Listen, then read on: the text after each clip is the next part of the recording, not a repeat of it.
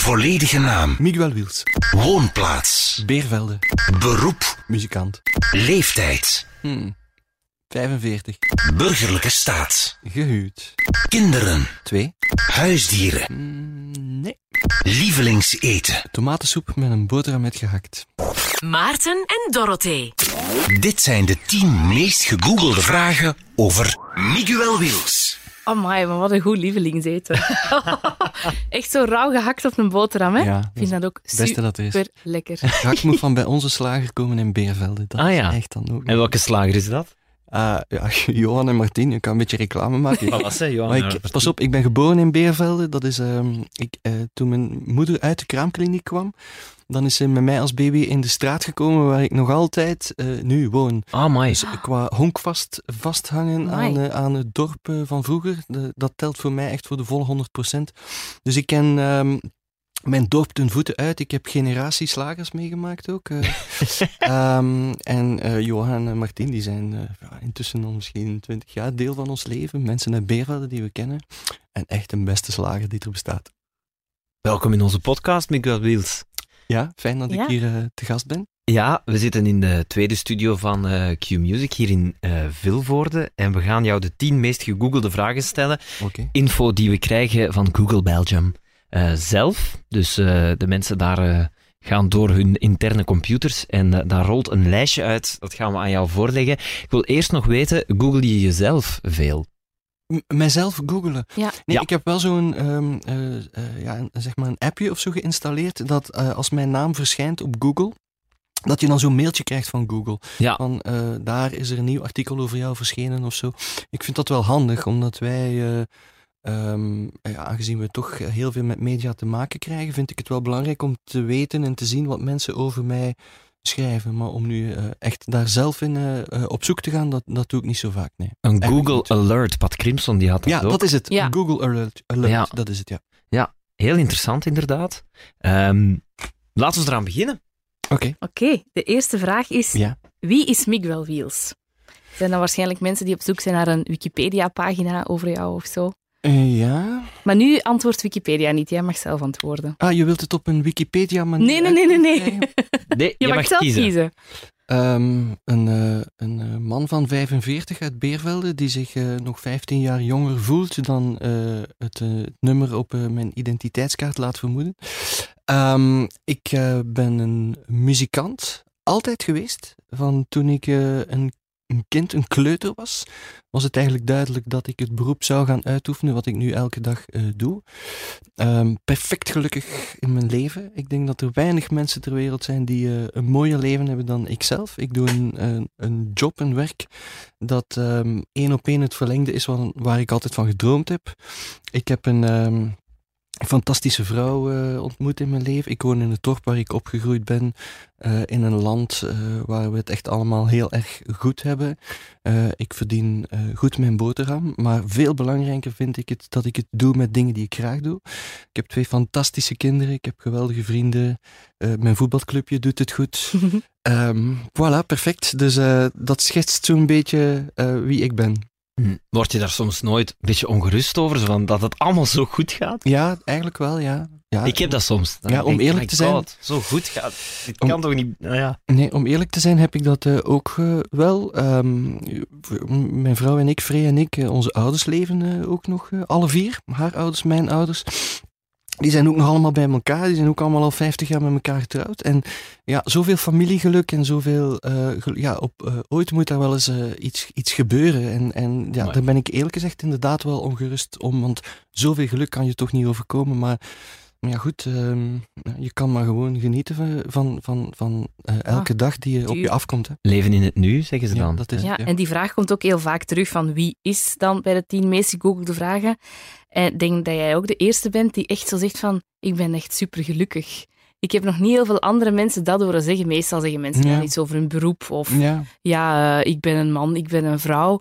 Maar het is zo schoon hoe dat er echt in zit van Ja. ik ben kei gelukkig. ja, ja, ja, maar ik heb, ik heb echt een fantastisch leven. Ik doe echt elke dag wat ik, eh, wat ik graag doe. Hè. Deze morgen had ik, eh, een, een kleine vergadering, maar daarna mag ik hier komen praten over mijzelf. Ja, niks is, niks is leuker eigenlijk dan, dan, dan, dan die ijdelheid af en toe te kunnen strelen. En dan straks ga ik gaan squashen met een goede vriend. En dan uh, vanavond zit ik nog in de studio voor uh, uh, Niels de Stadsbaden, waar we, waar we nu een nieuw album mee aan het maken zijn. En morgen ga ik naar Nederland, dan ga ik met Paul de Leeuw een televisieprogramma maken. En zondag ben ik een hele dag thuis en ga ik waarschijnlijk het gras maaien met, met mijn oudste zoon van tien. En dan maandag begint weer een nieuwe werkweek. En er is zoveel verscheidenheid in alles wat ik doe, um, ja, dat geen enkele dag saai is eigenlijk. Ja. Ik vind het ook opmerkelijk dat je zegt, ik heb altijd al geweten dat ik muziek wilde doen. Ja. Uh, ik neem er even onze research bij. Ja. Uh, als hij acht jaar is, begint hij met zijn muzikale opleiding. Zijn leraars herkennen in hem een rastalent. Hij is negen als hij zijn eerste eigen compositie schrijft. Oh ja. Onder andere de muziek voor zijn eigen communie. Ja, klopt. Fijn, ik wel. Ik weet het. Als je aan een kind van 4, 5 vraagt wat hij later wil worden, dan zeggen um, kinderen vaak brandweerman of, of piloot. Of dat zijn de geëikte antwoorden. Mm -hmm. Bij mij was dat muzikant. Ik keek vroeger op naar, naar mensen zoals Erik Meelaerts, die toen um, het mooie weer maakte op zowat elke televisiezender die er was. En uh, uh, dat was dan vooral de Nederlandse televisie en de VRT, want VTM bestond hier nog niet. En Erik Meelaerts en bijvoorbeeld Tars Lotus, ook de pianist, dat waren mijn idolen, want die zag ik op televisie en die zag ik mensen begeleiden in allemaal verschillende orkestjes. En die schreven ook liedjes voor andere mensen. En als ik dan aan de kust kwam in de zomer, dan stond Erik Meelaerts daar ook nog eens op een podium te spelen. en dan dacht ik van, dit wil ik later worden. Ik wil een muzikant worden die dat allemaal doet. En dus... Um, uh, ik, ik, ja, tot vervelens toe zei ik dat ook eigenlijk. En als ik van Sinterklaas iets mocht vragen, uh, van wat wil je graag van Sinterklaas krijgen? Ah, een gitaar of een piano. Dus alles had met muziek te maken. Mijn vader heeft toen ik zes was een podium op mijn kamer gebouwd, alsjeblieft, waar, uh, in, in, met, met houten treden. Dat zo ongeveer 20 centimeter van de grond was, maar waarbij ik wel het gevoel had dat ik in het Sportpaleis van Antwerpen stond. en daar trad ik dan op als zes, zevenjarig manneke. Dus het stond echt in de sterren geschreven dat het alleen maar, alleen maar muziek zou zijn voor de rest van mijn leven. Dus mijn ouders hebben me dan naar de muziekschool gevoerd, uh, ge, ge, gestuurd. En, um, en gevoerd vrij, ook waarschijnlijk. En gevoerd ja. ook, ja, ja. Tot mijn 18 hebben ze mij heel vaak moeten voeren. En um, ja, en van het een kwam het ander. Ik begon dan thuis aan de piano zelf uh, melodietjes te maken. Toen kwam een plechtige communie eraan. Toen zei een leraar van, ja, maar misschien moet je iets schrijven dat we dan in de kerk op je plechtige communie kunnen dat, dat je dan zelf live kan spelen. En zo kan ik dus nu zeggen dat ik op mijn, uh, op mijn negende ongeveer mijn eerste mis schreef. Wat natuurlijk een beetje overdreven is, want het is, zijn geen missen zoals we die kennen van Bach en zo. Maar ik heb ja, toen ik wou net zeggen, het lijkt wel de bio van Mozart. Ja, ja, ja. ja, ja. ja. Maar dus, de, dus dat is een beetje, een beetje um, overdreven. Maar ja, ik begon wel toen ik zo klein was uh, mijn eerste melodietjes te schrijven. Ja. Wauw. En nu ben je, en dat is meteen het antwoord op de tweede vraag. Hoe oud is Miguel Wiels? Nu ben je 45. Mm -hmm. Ik vond het wel opmerkelijk dat je zei, ik voel me 15 jaar jonger. Ja, ik, vind, ik, heb, ik heb wel last met het cijfer. Ja? Ja, ik vind het uh, heel erg um, niet kloppen bij mij, om, om, om, omdat ik mij veel jonger voel. Ik heb ook een jongere vrouw, ik, ben ook een, ik heb ook nog jonge kinderen. Um, en um, ja, ik, ik het klopt niet bij mij, vind ik. Ik, vind, ik voel mij nog 30, 35. Ik, ik, kan een voorbeeld geven. Als ik sport, hè, als ik uh, ga gaan voetballen, dan uh, speel ik heel vaak tegen jonge hasjes die soms mijn kinderen kunnen zijn. Maar ik weiger dat, dat op een of andere manier ook maar toe te geven dat dat mijn kinderen zouden kunnen zijn. En, en soms moet ik mij vijf dagen in de zetel leggen daarna, omdat ik te stijf ben om er nog uit te komen, omdat, ik mij, uh, uh, omdat het overdone is wat ik gedaan heb. Maar ik kan het gewoon niet toegeven. Dus ik heb wel moeite met ouder worden. Niet zozeer met, um, met het verval van, van, van schoonheid of zo, want ik heb mezelf nooit een echt knappe gast gevonden. Ik vind dat dat voor mannen ook niet zo'n probleem is. Mannen rijper te worden, die, die mm -hmm. vind ik gaan er vaak beter uitzien. Niet allemaal, maar je ziet dat heel veel bij die Amerikaanse acteurs. Dat hoe ouder die worden, hoe sexier die worden. Allee, is dus dat is voor uh, Maarten van Quali. er is hoop. ja, dus op dat gebied uh, vind ik het niet zo erg dat ik mijn babyface nu stilaan wel kwijtgeraakt ben.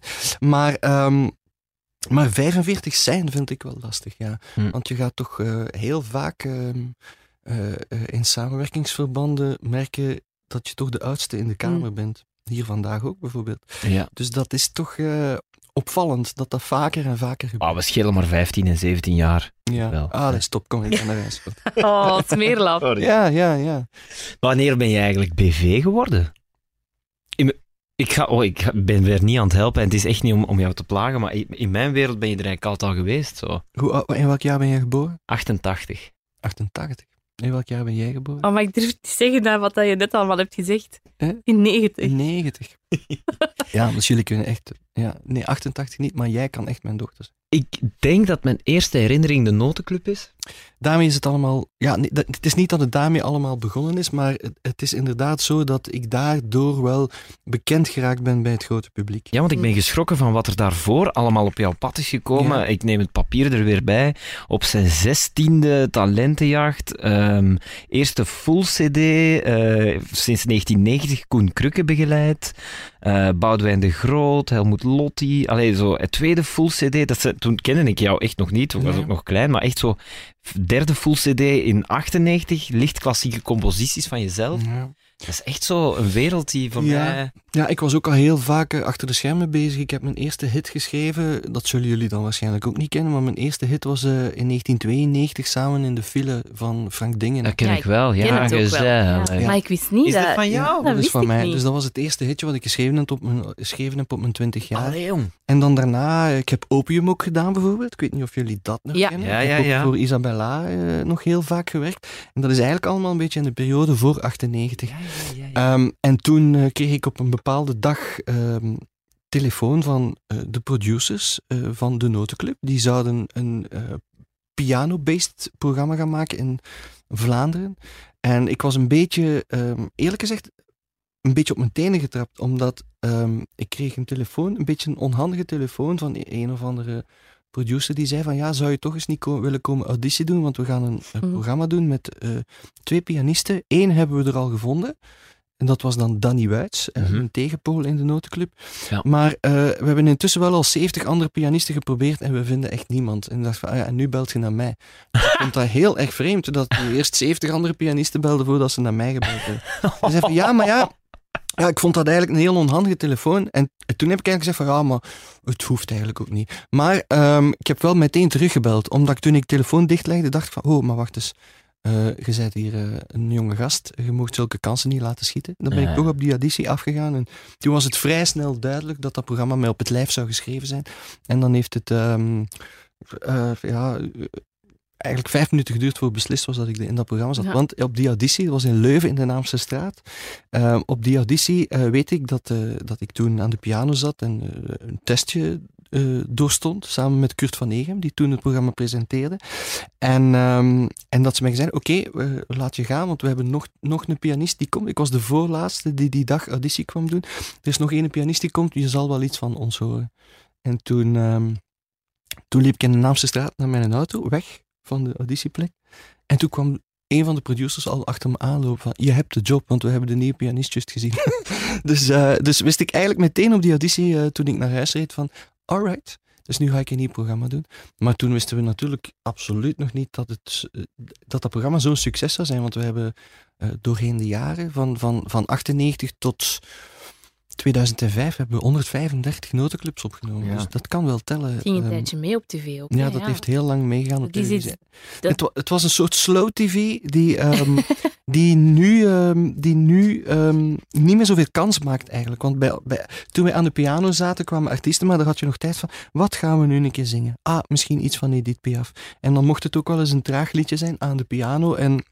En de dag van vandaag ehm, moet er al eigenlijk veel meer tempo zitten Mm. in, in al die muziekprogramma's. En vind ik dat er nog weinig plaats is om, om, om zo eens rustig samen muziek te maken. En de Noodclub had dat, had dat echt wel. En daarom vonden de mensen dat, dat zo fijn. Ze hebben nog eens een remake van de Noodclub willen doen een Ja. paar, paar jaar geleden. Sing That Song. Sing that song. Ja. Maar dat had iets heel erg zenuwachtig en nerveus. En ik denk dat ja, het klopte op een of andere manier niet meer. Ik weet, ik, ik zeg niet dat de noodclub in de oude formule nu nog zou werken. Maar toen had het iets magisch. Het had iets van, we, we kruipen onder ons dekentje op vrijdagavond Ja, in de zetel. En we gaan allemaal meezingen met, met liedjes die eigenlijk iedereen kent. Oh. Ik, ik onthoud vooral, zet uw eergevoel af en toe even opzij. En wie weet wat kan er gebeuren. Want als je nu inderdaad koppig was geweest, na die onhandige telefoon. Dan, had, dan was het me niet overkomen. Vraag 3. Dat is... ehm, wie... eh, sorry. Wat heeft Miguel Wiels gestudeerd? Ik heb eh, in het middelbaar Latijn-Griekse gedaan. Ik ben daar nog altijd heel erg blij om. Ehm, ik, ik, ik ging niet graag naar school, voor alle duidelijkheid. Ik haatte school. Ik vond het vreselijk om daar naartoe te gaan. Maar en dan ik- Latijn-Grieks. Ja, ik besefte wel dat het een soort noodzakelijk kwaad was. En ik heb daarnet al verteld dat ik eh, dus al van kindsbeen af eigenlijk met muziek bezig was. Maar ik haalde ook goede resultaten in de lagere school. En alle PMS-testen en, en leraars. En die zeiden allemaal van, ja, hij zou toch, eh, eh, hij zou toch echt iets moeten studeren, want hij heeft eh, ook daar, het is een intelligente jongen. En ehm, dat zeiden ze toen, hè, ik weet niet of dat ze gelijk hadden. maar dan, ehm, ja, eigenlijk op voorspraak van de school, dan eh, ehm, vond iedereen dat ik eh, Latijnse moest gaan doen. En dan heb ik op mijn twaalf jaar een afspraak gemaakt met mijn ouders. Van kijk, oké, die muziek, dan nemen we erbij achter de uur. We gaan eerst Latijn-Griekse doen. Maar als ik 18 jaar word, binnen zes jaar, dan mag ik mijn goesting doen. En dat was een afspraak die ik met mijn ouders gemaakt heb. En die we ook eh, zes jaar later echt gehonoreerd hebben. En ik zie nog altijd het moment dat ik op mijn, eh, op mijn achttiende naar huis kwam. Met mijn laatste rapport. Ja. Samen met mijn beste vriend toen in de klas, die, die, eh, waarbij dat ik altijd achter, van achter op zijn mobiletje zat. En we kwamen van de school vrijdagmiddag, vlak voor de grote vakantie. En ik kon naar huis gaan met mijn rapport. En ik zie mij nog altijd neerleggen op tafel bij mijn ouders. En nu ga ik mijn goesting doen. Dat, ik dat toen, ik heb dat echt zes jaar meegedragen. Wauw, oh my Ja. god. Ja. fijn, Ja, maar zij hadden natuurlijk ook een zin gekregen, want ik moet zeggen dat ik die, eh, die, die, ehm, die vorming, die Latijn-Griekse vorming, dat ik die ehm, zeer dankbaar meegeslepen, eh, meegekregen heb voor de rest van mijn leven. Want ik kan, ik kan, eh, ik kan een foutloze mail schrijven en ik kan... eh, ehm, eh, ja, ik, eh, ik kan dt-fouten onderscheiden van, van, van, van, van hoe het goed moet en zo. Dus dat zijn allemaal dingen. Ik, ik heb veel, veel, heel veel geleerd bij het Latijn-Grieks. Ik merk het ook in, in mijn talen bijvoorbeeld, dat ik nogal vrij vlug een andere taal oppik. Ja, Ja. dat is natuurlijk die vorming die mij daarbij geholpen heeft. Dus achteraf bekeken ben ik heel erg dankbaar dat ik dat eh, zes jaar lang gedaan heb. Ik heb er ook mijn best voor gedaan. Ik heb er nooit met mijn klak naar gegooid. Ik heb eh, altijd eh, mooi eh, zonder buizen mijn schooljaar afgewerkt. Ik haalde altijd rond de 70% Nooit geen 80, maar ook nooit geen 50. Dus het was zo, ik wist van als ik dit doe, dan ben ik er Mhm. klaar voor en dan ben ik niet gebuist. En dan op mijn achttiende ben ik naar het conservatorium gegaan. Maar intussen was ik natuurlijk al heel veel aan het optreden. En ik heb in het conservatorium dan mijn eerste prijs notenleer gehaald. Maar voor mijn instrument piano bijvoorbeeld ben ik nooit in het conservatorium binnengeraakt. Ze wilden mij niet eh, binnenlaten eh, als pianist. Ze vonden dat ik... ehm, ik speelde toen ook al met Koen Krukke en zo. En het conservatorium van Gent vond van ja, maar je kan niet en met Koen Krukken op een podium en in hotels gaan spelen.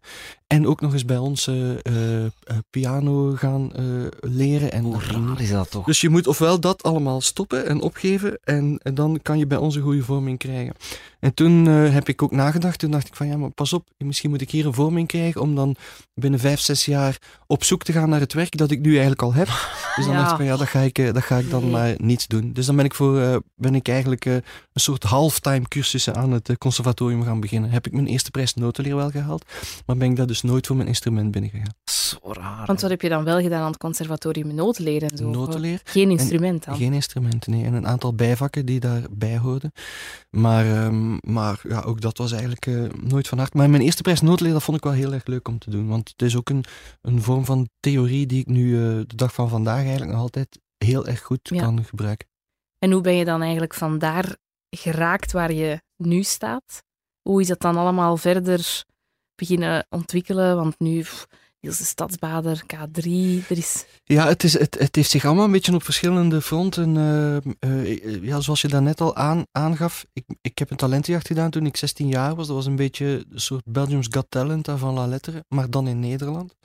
En eh, die deed ik mee en ik won die. En toen kwam ik ook voor de eerste keer op de televisie. En je moet ook de tijdsgeest van toen.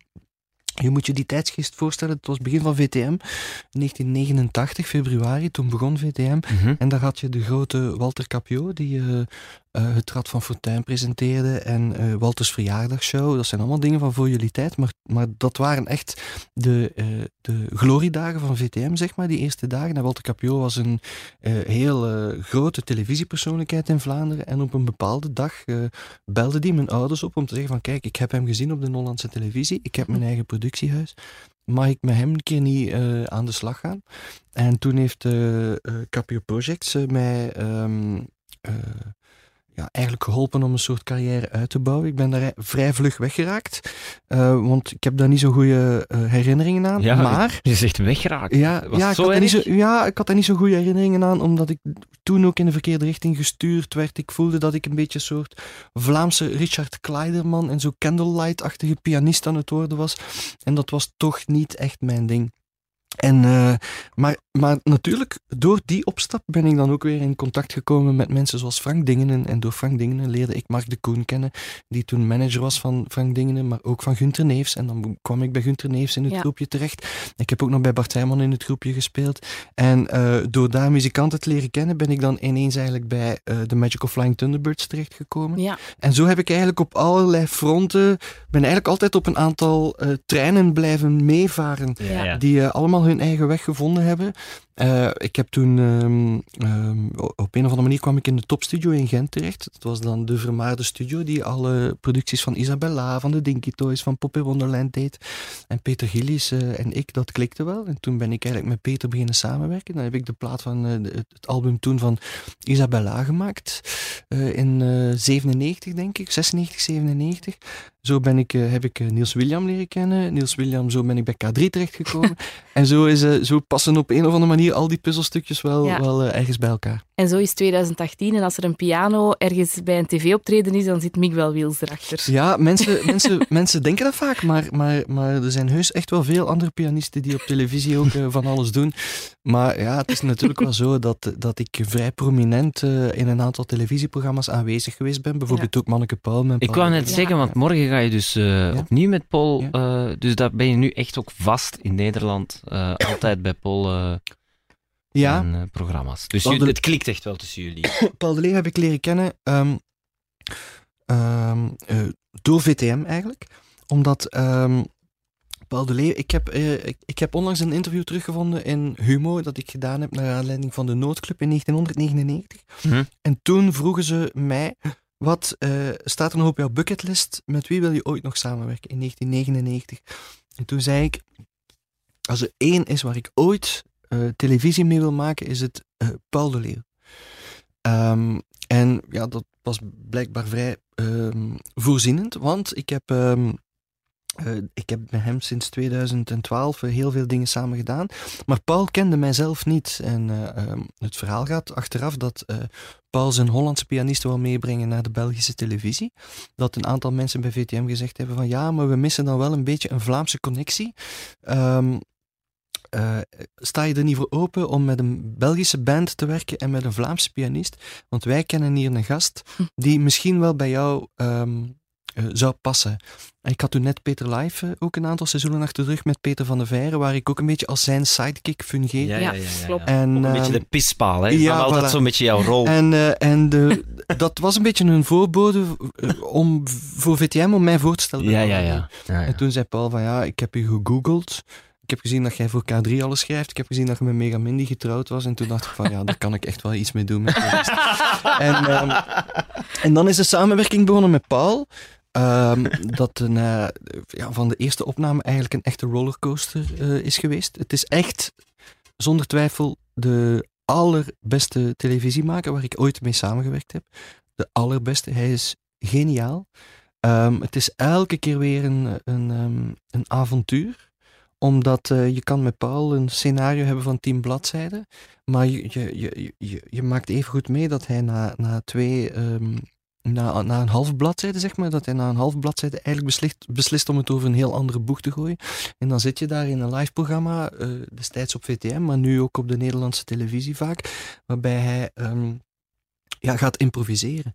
En uh, ook heel erg veel eisend vraagt van zijn medewerkers, ik als bandleider, maar ook van zijn vaste cameramensen en van iedereen rondom hem, dat iedereen zomaar altijd mee kan stappen in wat er in zijn hoofd omgaat en, en, en, en probeert in te vullen waar hij naartoe wil gaan. Dat is een, um, dat is een avontuur. Ik slaap altijd heel erg goed als ik uh, opnames met Paul de Leeuw heb gedaan, maar tegelijkertijd heeft het mij zoveel stappen verder gebracht op het gebied van televisie maken. Ik heb van hem ook al zoveel geleerd. Uh, in zover ver zelfs dat als ik terugkom naar België, dat ik soms stiekem denk van... in Nederland gaat het toch allemaal wel een tikkeltje sneller. Hoe komt het eigenlijk dat het hier gestopt is met Paul de Leeuw? Is dat, of, Ja, dat zou je aan VTM en Paul zelf moeten vragen, omdat er eh, op, een bepaald, op een bepaald moment een, eh, eh, ik denk een zakelijk of inhoudelijk meningsverschil was. Ah, ja. Het is niet dat ze elkaar niet konden hebben, maar ik denk dat daar een aantal meningsverschillen waren die onoverkomelijk waren. En waar ehm, dan gezamenlijk beslist geweest is om het programma stil te zetten. Maar Paul en ik, dat klikte heel erg.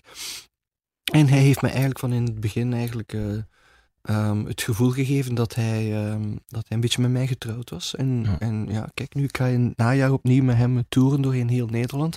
Dus in oktober, november, december zit ik in Leeuwarden en in Drachten, maar ook in Eindhoven en, en Amsterdam en Rotterdam. En ik ga heel Nederland door met hem en ga ik weer toeren.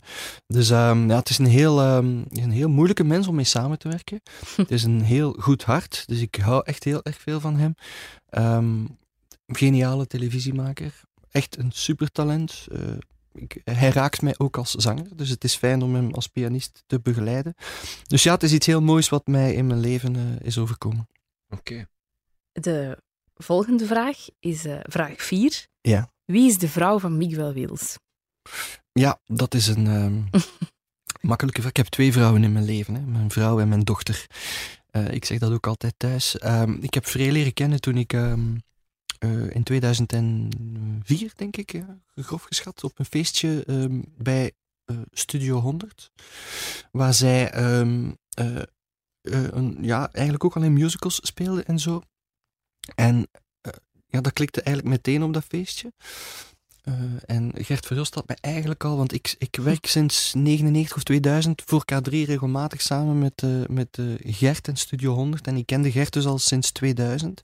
We, we, we werden ook closer met elkaar. En Gert zei op een bepaalde dag, we hebben hier een meisje lopen bij ons in de stal.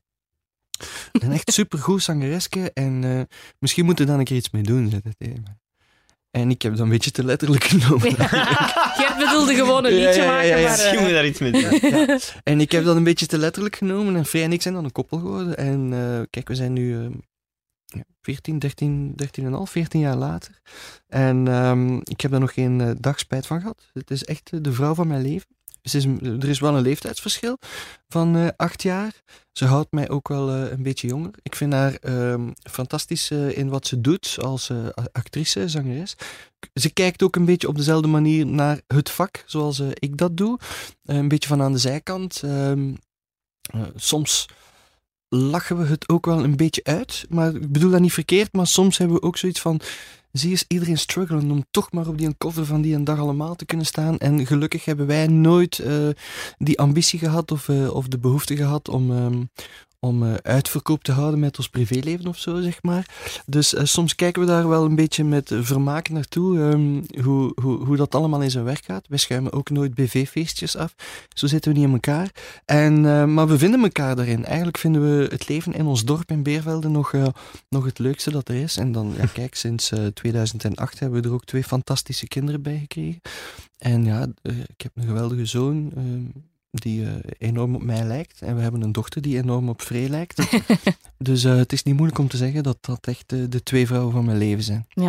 Als ehm, jij dan zo in Beervelde bent blijven plakken en bent Ja. opgegroeid, was zij ook van de buurt? Want dan weet ik eigenlijk niet van waar zij afkomstig is. Zij is van eh, Hillegem, dat is een klein dorpje in Herzelen.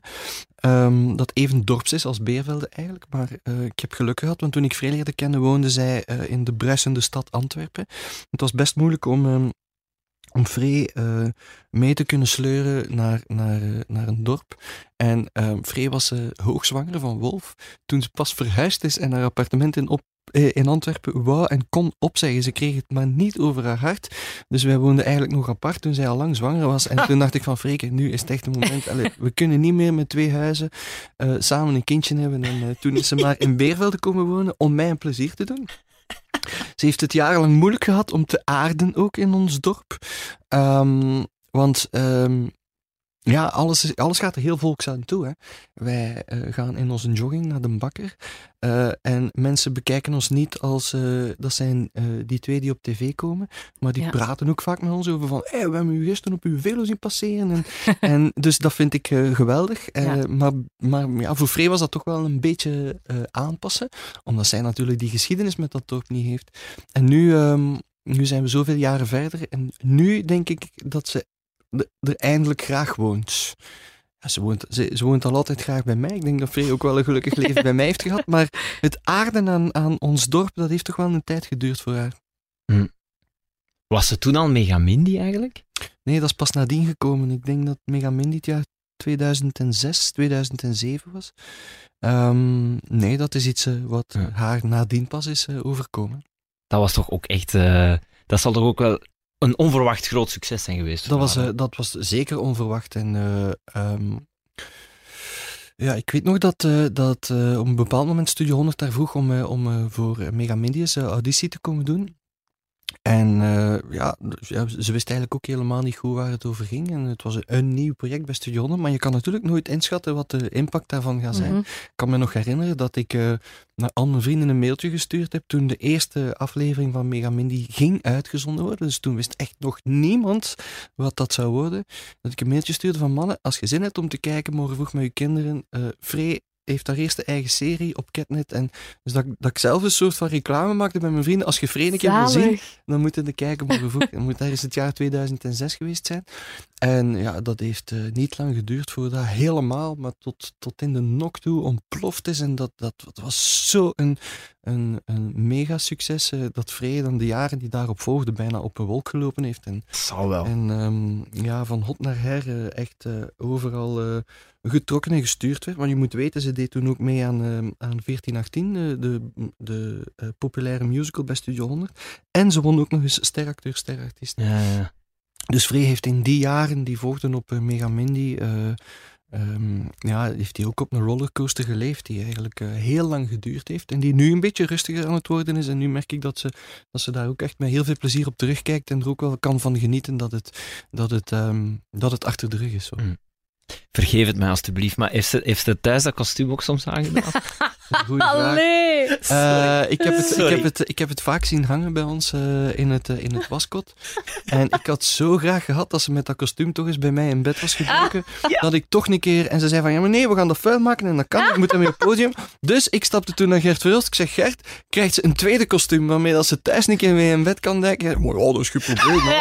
Geen probleem, pak dat maar. Maar ze heeft het dus nooit gewild. Want anders had Oh. ik wel echt aan de toog in Beervelde kunnen zeggen tegen al mijn vrienden van, jongens, je mocht ervan zeggen wat je wilt. Van, ik ben wel de enige die Mega Mini in zijn bed gehad heeft. Maar het is dus nooit gelukt.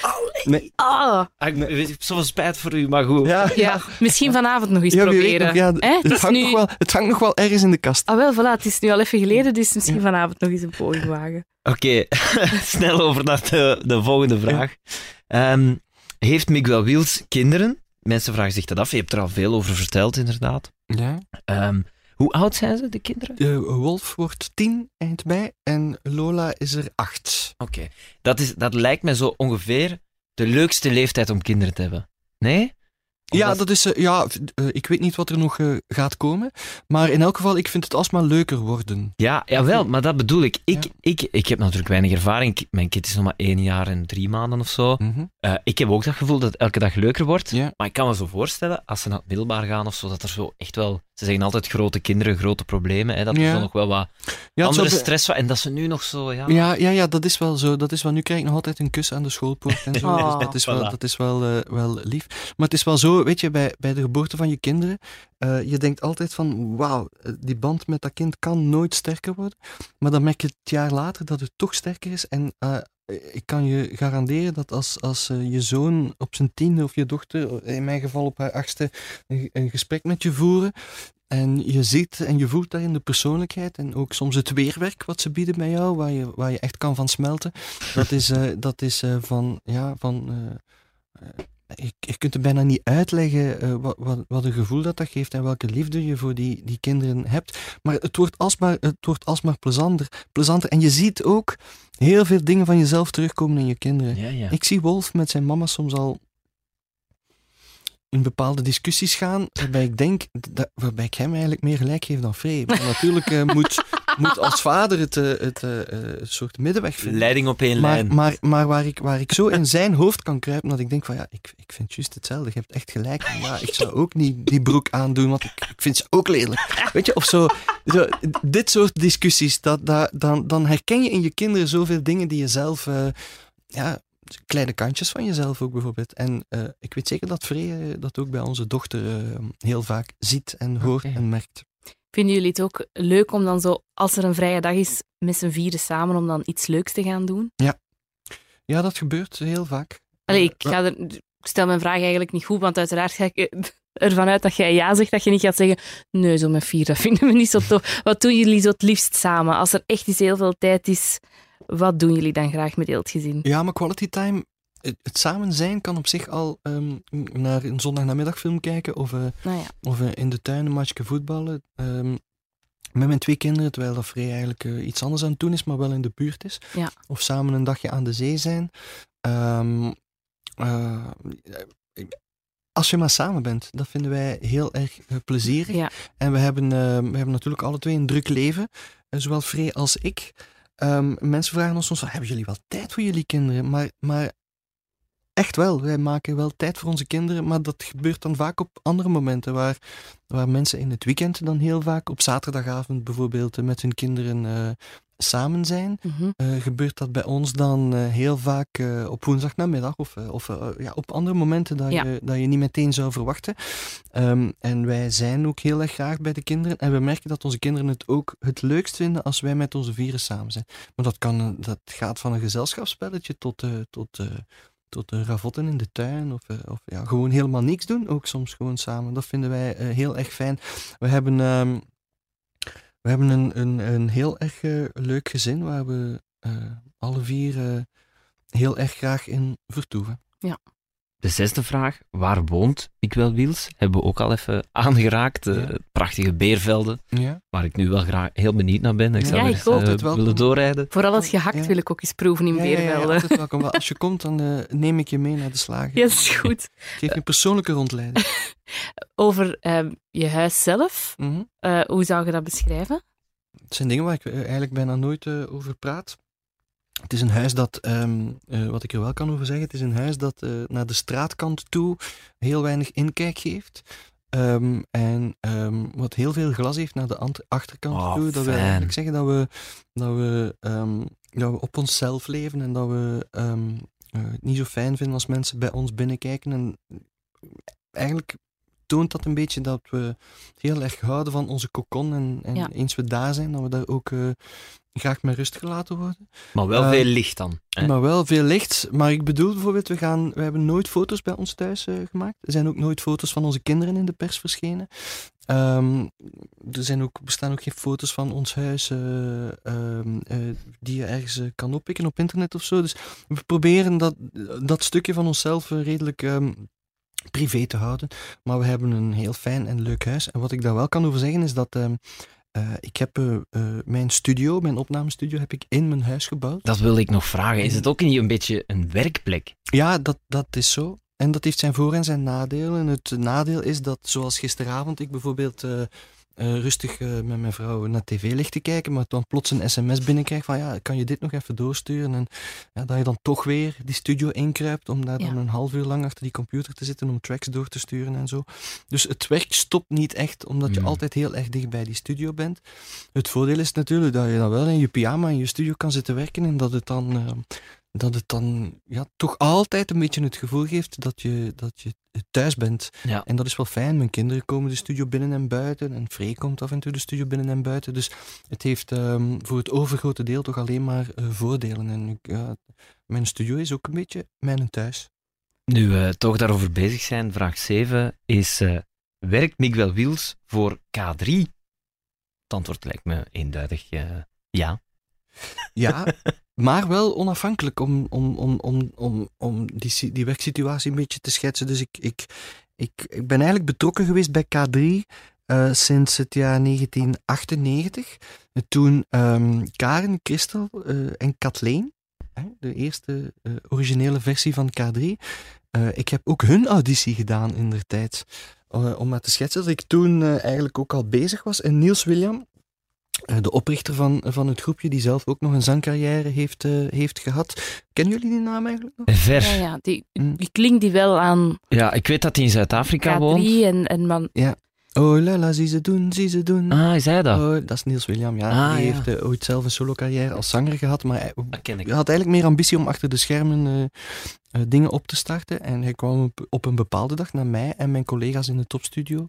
Ik wil een meidengroepje opstarten. Het was een beetje het Vlaamse antwoord op wat toen heel populair was, de Spice Girls. En ehm, er waren een aantal meisjes die hij in gedachten had. En Karen en Christel waren er eigenlijk van, eh, van in het begin heel erg vlug bij. Dat was heel erg duidelijk dat het met die twee meisjes zou zijn. En dan voor het blonde meisje hebben we eigenlijk nog eh, lang gezocht naar, naar, naar mensen. En Dus dat was geen toeval, dat was meteen branding. eh, blond, eigenlijk wel, ja. zwart en Ja. rood. En, ehm, en toen zijn we, toen zijn we ja, aan de slag gegaan voor dat project. En eigenlijk heb ik eh, eh, eh, ja, de geboorte van K3 meegemaakt. Ja, het, eigenlijk zelfs het, ehm, het maken van K3 Hmm. nog voor het De embryofase, de embryonale embryofase. fase. Ja, ik lag erbij in bed toen het gemaakt is eigenlijk. En, ehm, en, ehm, en toen is het begonnen en het is eigenlijk nooit gestopt. Niels William heeft dan op een bepaald moment zakelijke deals met Studio 100 gemaakt. Ehm, het, het project verkocht eigenlijk, Mhm. waardoor het eh, onder de vleugels van Studio 100 terecht kwam. Maar eh, eh, mijn collega's Peter Gillis, Alain van de Putten en ik zijn eigenlijk bij het project gebleven. En ehm, we zijn van plan om dat nog jarenlang te doen. Dus we zijn echt gepokt en gemazeld in dat project. Als er, eh, ehm, ja, je, je kan het team rond, rond K3 echt eh, eh, verkleinen tot een, tot een aantal zes, zeven, acht, eh, acht aantal mensen die echt heel erg goed weten en beseffen ehm, waar het in het project om gaat en hoe belangrijk dat project is. Dus ehm, ja, ik werk voor K3.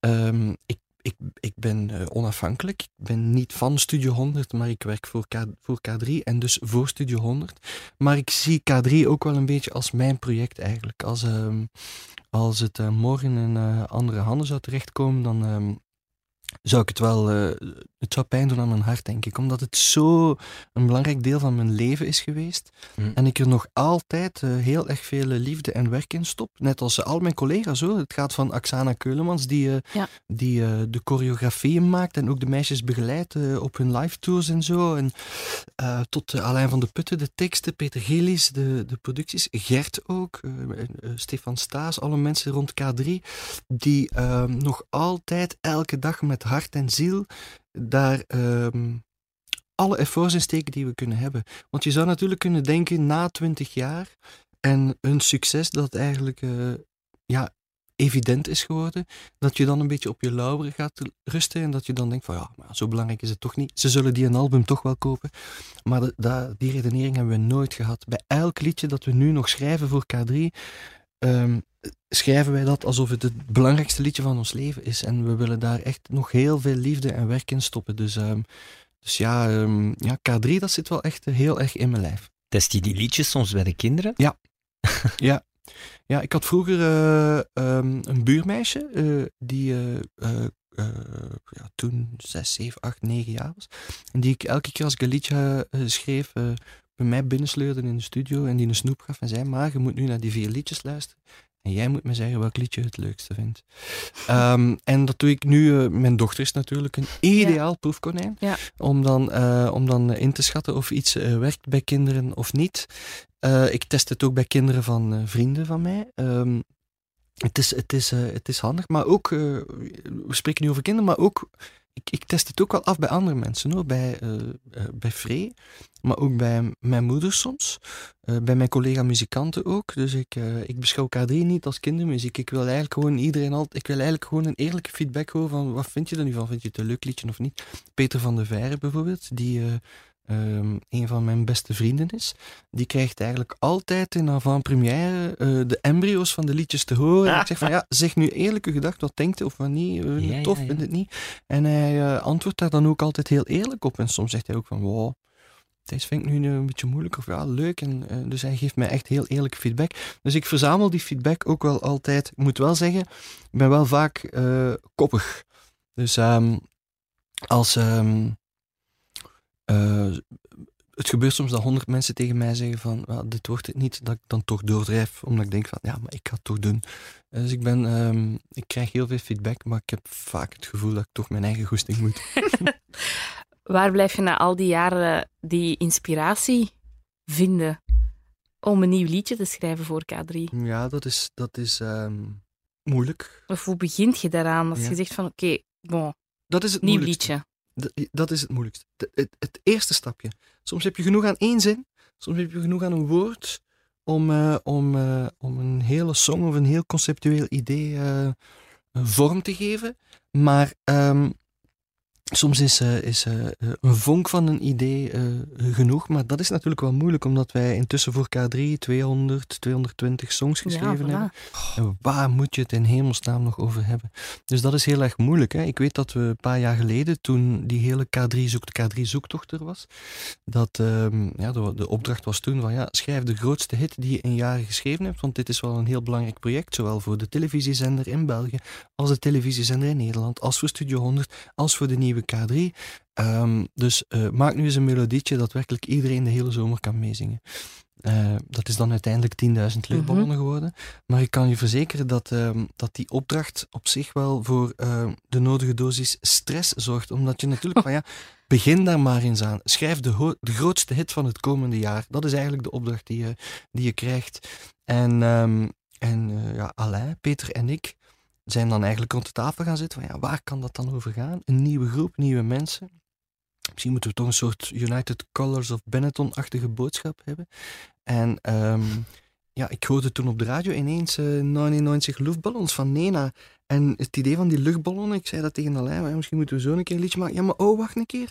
Misschien het oplaten van luchtballonnen is toch een schoon teken van vrede. En, en dat is de vonk die dan, die dan er ineens voor zorgt dat, je, dat je, al zeg ik het zelf, een dijk van een song schrijft. Ja. Want ik ben heel trots op dat liedje. Ja, ja, Maar het is, ook, maar het is, het is, eh, het is zo één vonkje dat je, dat je voldoende inspiratie kan geven om dan ja, alles daar rond dan ineens, eh, ineens vallen veel puzzelstukken dan makkelijker in elkaar.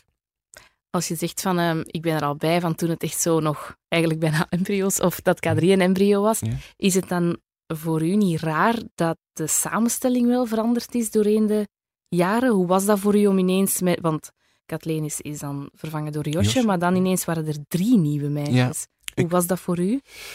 Vreemd. Ik heb daar eh, ehm, eh, mijn, mijn twijfels over uitgesproken intern. Eh, toen ik wist dat het ging gebeuren en de wereld het nog niet wist, heb ik daar intern heel erg mijn twijfels over uitgesproken, omdat ik ehm, bang was ehm, dat het nooit zou aanvaard worden bij het publiek.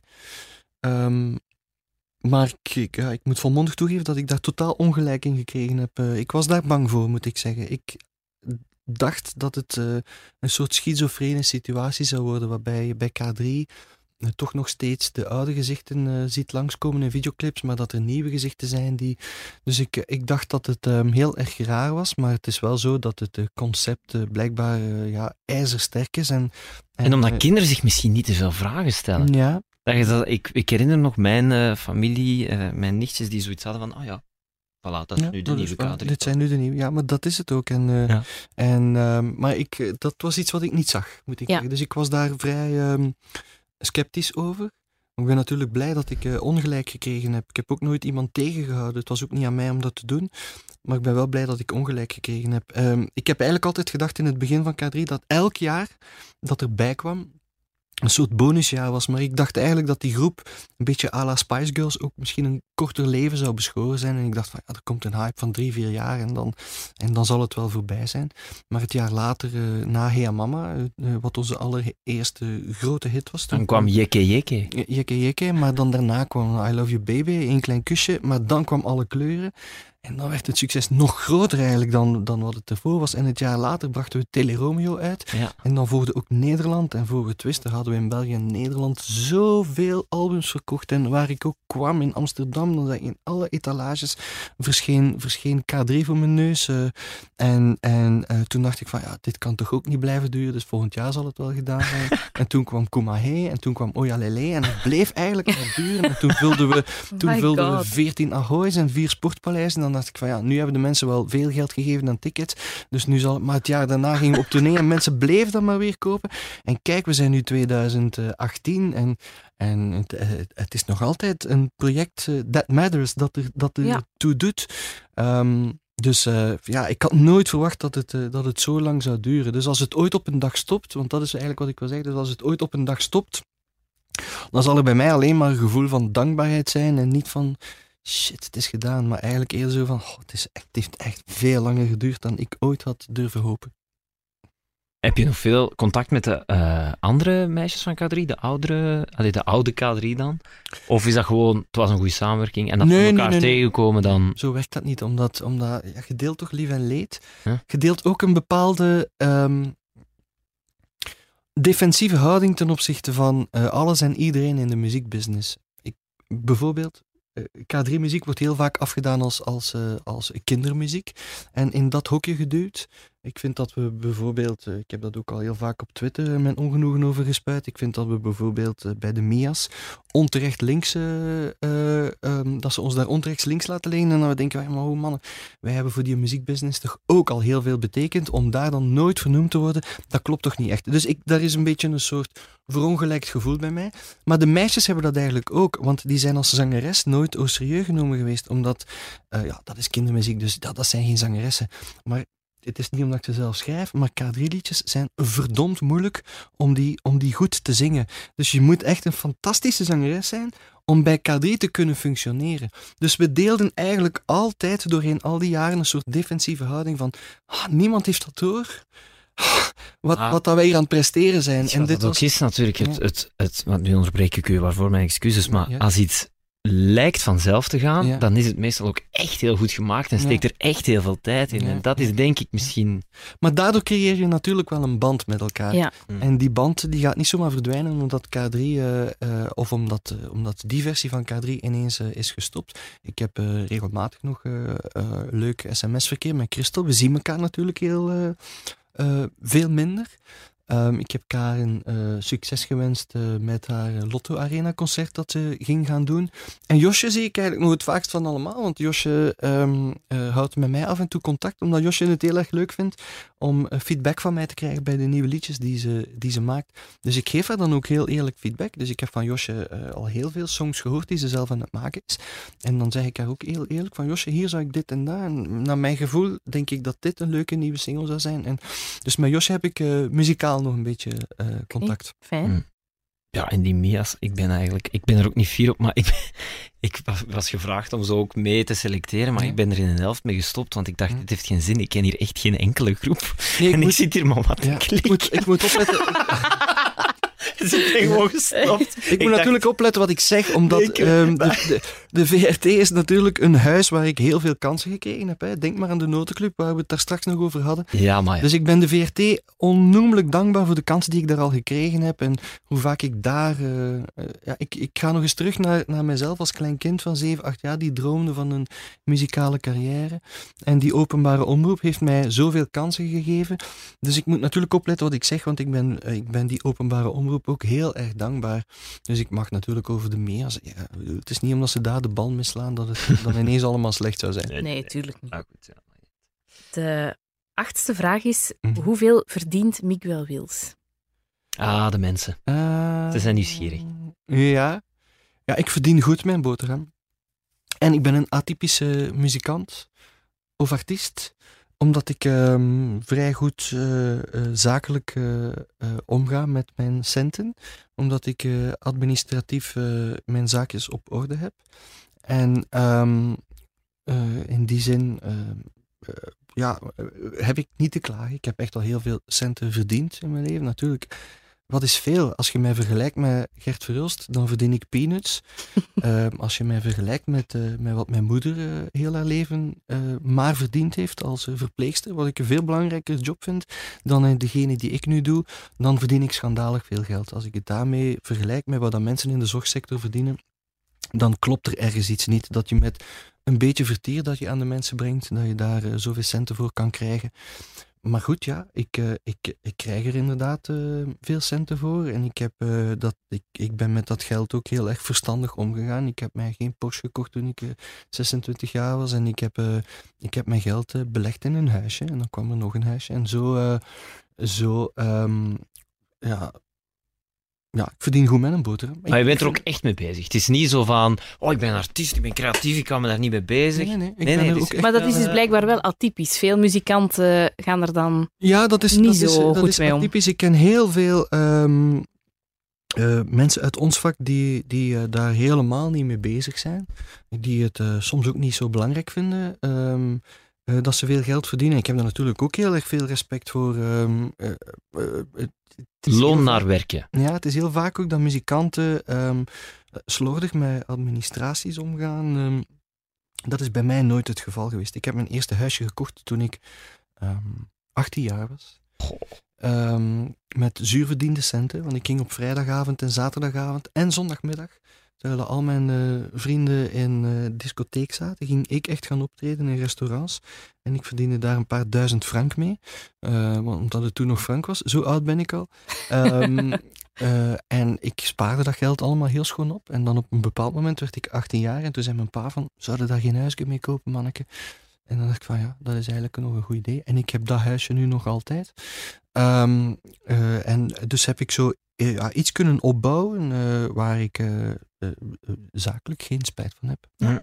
Ik vind trouwens ook, om daar nog op te antwoorden, ik vind het ook eh, vreemd dat mensen daar soms zo geheimzinnig willen over doen, over, eh, over eh, oeh ja, maar ja, ik, ik doe het niet voor het geld en ja, ik doe ook mijn job niet voor het geld, maar, ehm, maar ik vind het wel leuk dat ik met ehm, mijn hobby, dat ik graag doe, dat ik daar ook nog eens goed voor betaald word. Dat is alleen maar plezant. Ik Tuurlijk. moet wel zeggen, ik heb nog vrij, nog ik hebben ehm, eh, in ons leven concessies gedaan om, eh, om, om centen te krijgen. Ik weet dat bijvoorbeeld bij de geboorte van onze, van onze zoon, dat de, boekjes stonden daar met echt duizenden euro's. Van ja, mogen we de eerste foto's en we gaan de kinderkamer betalen. En, en toen hadden we zoiets van, ja nee man, maar op, op die trein eh, van gemakkelijk geld verdienen, daar gaan we echt niet op springen. Dus ehm, het, is wel zo dat ik, dat ik veel centen verdien met dingen waar ik ook zelf ook echt achter sta. Dus ik heb nooit het gevoel gehad dat ik om eh, veel geld te verdienen mijn broek heb moeten afsteken. Ja. Zoals ze figuurlijk soms zeggen. Ja. Dus, ehm, dus dat vind ik er wel een, eh, een, een fijn gevoel bij. De negende vraag. Wanneer treedt Miguel Wiels op? Ja, maar als we dat allemaal gaan overlopen. Ja, dat, dat varieert. Ik ga eind dit jaar met Paul de Leeuw op tournee. Ik eh, doe elk jaar ook op het einde van het jaar een, een hele hoop kerstconcerten met mijn vrouw, Free. Ehm, ik ga eh, deze zomer optreden met Niels de Stadsbader, waar we alle festivals en eh, alle zomerpodia gaan afschuimen. Ik ga in het voorjaar concerten doen, Niels en Wiels concerten, ehm, eh, in grote theaters samen met, met mijn bloedbroeder Niels. Ehm, ja, dat is, dat is het zo'n beetje. Ik heb eh, eh, tien jaar lang ongeveer 80, 90 keer per jaar opgetreden. Om zo'n beetje te schetsen eh, dat ik ehm, veel kilometers doe, dat ik in Vlaanderen Ja. heel veel en vaak rond eh, rij. Ik heb jarenlang ook bij de Magical Flying Thunderbirds gespeeld. Ik heb jarenlang ook een, een project gehad samen met Peter van der Veijren, Café Flamand. Dat ook heel erg leuk was. Dus ehm, Ja, ik heb zoiets moeten optreden na, na jou, denk ik, Ja. in Sems. Was dat, geloof ik. Dat is een feestje, hè? ja, dat is een Dat is feestje. een Ja. feestje, hè? Ja, ja. Allee, jouw optreden, hè? Bij mij ja, natuurlijk. Dat was... eh, Ik vind het ook grappig, Maarten, dat, dat, dat jij een DJ-set een optreden noemt. Ik heb eens moeten optreden Hola. na jou, Miguel. Wiels. Ja, Ja, ja, ja. inderdaad, het Het woord is ook een optreden, optreden, is, is maar- slecht gekozen na de Magical Flying Thunderbirds. Het is gewoon... Een DJ-set, een feestje. Ja, voor, terwijl het podium wordt afgebroken, bij wijze van spreken. Ze hebben dan ook echt letterlijk daar ook mijn boot per ongeluk uitgetrokken, omdat ze dus hun grief aan het afbreken waren. Is het waar? Ja, Ah, maar het maakt ook niet zoveel uit, maar het is heel grappig. Maar ik wou dus zeggen, dat is wel echt... Jullie zetten de boel op stelten. Ja, ja, ja, dat was heel erg plezierig. We zijn vorig jaar dus eigenlijk terug samengekomen. We hebben, Mhm. eh, eh, ik denk sinds eh, van 99 tot, of van, of van 2000 tot 2010 hebben we tien jaar lang getoerd. Ik denk dat we toen 120 keer door Vlaanderen speelden, elk jaar weer. Het was altijd een feestje, altijd leuk. En toen hadden we het gevoel dat het, dat het even op was. Toen dachten we van, oké, even allemaal iets anders gaan doen. We hebben nu echt wel elk podium gezien. En ehm, we hebben die Lac du Connemara nu al vaak genoeg gedaan op een podium. En toen dachten we van, eh, even op, even een paar jaar allemaal iets anders doen. Iedereen is andere groepjes begonnen. Ik ben dan Café Flamand begonnen. Ja. Ehm, maar het bloed kriebelt eh, waar het niet gaan kan. En dan ehm, zijn we vorig jaar eh, voor één zomer terug samengekomen. Ja. Dat was ook echt de bedoeling, om dat echt één zomer lang te gaan doen. En ja, ik sluit niet uit, meer nog, ik ben er bijna zeker dat er ergens in de komende jaren nog wel weer ergens een, een, een reunie zit eh, aan te komen. Want het is echt ook zo erg plezant. Maar het is zo intensief, zoals jij zegt. Ehm, dat is echt anderhalf uur eh, feest, waarbij ook zonder zeven, over elke halve minuut op dat podium wordt er nagedacht. Over, ehm, over, eh, over ehm, de intensiteit van dat optreden. Dus daar wordt heel erg zwaar aan gerepeteerd. En, en ja, eh, eh, een seizoen Magical Flying Thunderbirds is heel erg tijdrovend, omdat we gigantisch veel repeteren in het voorjaar. En... ehm, en dus, eh, ja, doordat we ook allemaal zoveel andere dingen doen, is het niet aangewezen om dat ook echt elk jaar te gaan doen. De laatste vraag. Oei. Ja, het is al de tiende en de Hoe laatste lang zijn we vraag. al bezig? Eh, een uurtje. Oh, mooi. Moet je Gezellig, daar ergens hè? naartoe? Ja, gezellig. Nee, oh, ik weet het niet. Nee, ik moet nog gaan squashen. Ah ja. Maar dat kan wachten, hè, mannen. Dat is geen Maar, bij een- Ik vind het hier plezant. maar zijt je nog op tijd om te squashen? Ja, ja, ja. Ah ja, oké. Wat is de laatste vraag? Zijn Miguel Wiels en Niels de Stadsbader vrienden? Daar heb je eigenlijk al een beetje op geantwoord ook. hè, net. Bloedbroeder zei. Ja, Niels en ik zijn vrienden. Eh, ik heb Niels leren kennen. eh, ik sprak daar net over Café Flamand, wat een heel eh, erg ehm, leuk project om te doen was. Peter van der Veire en ik wilden iets doen live rond de Nederlandstalige en Vlaamse muziek. En, ehm, en een feestje bouwen, zeg maar. Eh, Peter en ik eh, hadden net Peter Live samengemaakt. Het bleek dat Peter en ik het heel erg goed met elkaar konden vinden. En we dachten van Peter Live stopt op de televisie, maar dat kan toch niet dat wij nu niks meer samen gaan doen. Bon, lang verhaal kort maken. Café Flamand ontstond. En toen dachten we, we moeten misschien ehm, zangers, zangeressen uitnodigen die eigenlijk mee uit het rijke Vlaamse repertoire liedjes komen zingen met ons. En ik had ehm, eh, Niels de Stadsbader een beetje in mijn vizier, maar een beetje van de zijkant, want hij had bij Studio 100 al een aantal dingen gedaan ehm, waar ik niet echt eh, wild van was. Eh, ik, ik vond hem toen nog heel erg jong. En hij had ook in een musical van mij, eh, die ik geschreven had, uh, Suske en Wiske en de Circusbaron, daar was hij Suske in geweest. Dus ik kende Niels een beetje. En ik had gelezen in de krant, um, Niels had toen net een persoonlijk drama um, meegemaakt van zijn um, ja. beste vriend die uh, overleden was na een auto-ongeluk en dat was zijn muzikant. En Niels was gestopt met muziek. En um, uh, gestopt met zijn bandje, gestopt met muziek en zag het even allemaal niet meer zitten. Ik heb dan mijn stoute schoenen aange aangetrokken en gedacht van ja, misschien moeten wij dat jong ventje met ons meenemen op een podium. Mm -hmm. Die in onze familie, van onze band, um, uh, van uh, doorwinterde muzikanten, uh, met veel podiumervaring, een Peter van de Veire met veel ervaring en ikzelf erbij. Misschien moeten we die kerel um, in onze knusse familie opnemen en hen op die manier terug um, op een podium laten, laten stappen. Okay. Hij heeft daar ja op gezegd. En zo is, um, heb ik Niels eigenlijk leren kennen. Uh, hij heeft eigenlijk jarenlang bij ons uh, is hij gewoon liedjes komen zingen. Van Clouseau tot De Kreuners, tot mm -hmm. ja, Vlaamse klassiekers eigenlijk. En het klikte heel erg goed. En meteen had ik door dat die jonge snaak, die 30 wordt dit jaar trouwens, um, dat dat een kopie van mijzelf was. Ik, uh, niet alleen fysiek, want er zijn heel vaak mensen die zeggen van ja, jullie lijken ook echt op elkaar. En je moet dus op, uh, op uh, internet naar een foto op zoek gaan die in zijn album staat, een Niels en Wils foto, waarbij de helft van zijn gezicht en de helft van mijn gezicht met elkaar gemorfd zijn. En dat, die gelijkenis is, is treffend dat hij echt een jongere versie van mij is. Dus we lijken niet alleen fysiek heel erg op elkaar, maar we hebben ook dezelfde soort humor. We hebben dezelfde uh, um, uh, kijk uh, op, op, op vrouwen, op pintjes drinken, op voetbal. We gaan samen graag naar de voetbal. Um, we lachen met dezelfde dingen. En ja, ik zag in Niels um, een jongere mijzelf. Ik, het werd al heel gauw een heel goede vriend van mij. Niet alleen hij, maar, maar ik kan het ook heel erg goed uh, vinden met zijn uh, broer Kevin, met zijn ouders. En al heel vlug werd het een heel goede vriend die mij in vertrouwen nam en um, die op een bepaald moment een beetje aangespoord door mij dan zijn eerste eigen singeltje gemaakt heeft, samen met mij. En kijk, nu zijn we jaren verder en, en ja. Um, ja, ook daar kan je zeggen dat, dat die carrière heel erg mooi geëvolueerd is. En ik zie het zo graag gebeuren, omdat, um, omdat um, ja, hij is nog zo jong en bruisend en, en, en nog zo gigantisch ambitieus, dat, ik, dat ik graag uh, meegezogen word in zijn, in zijn uh, enthousiasme. En ik denk dat hij ook veel aan mij heeft, omdat ik langs de andere kant natuurlijk ook een beetje ervaring in het, uh, in het team rond Niels kan brengen. En hem af en toe ook eens dingen van een andere kant kan laten bekijken. Mhm.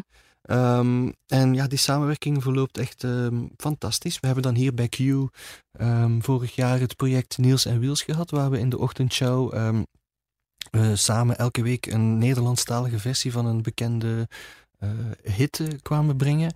En ehm, ja, ook daar is er iets magisch gebeurd natuurlijk, omdat het eh, vanaf de eerste keer dat we dat deden in de show ehm, bij Sam en Heidi Sam en? Heidi, ehm, dat, dat, daar gebeurde iets en je voelde dat het broeide bij het publiek. En ik voelde dat bij de slager, dan stond er naast van, hey, we hebben nu vanmorgen gehoord op Q, toffe versie van dat liedje. Hè? Mhm. En ineens werd ik, daar voel je echt, als je bij de bakker staat en bij de slager, daar voel je echt of iets ertoe doet bij, bij, bij mensen of zo. Ja. Hè? Ik had net een meeting bij de VRT ook van, ehm, waarbij op een bepaald moment gevraagd werd, ja, maar wat is een hit?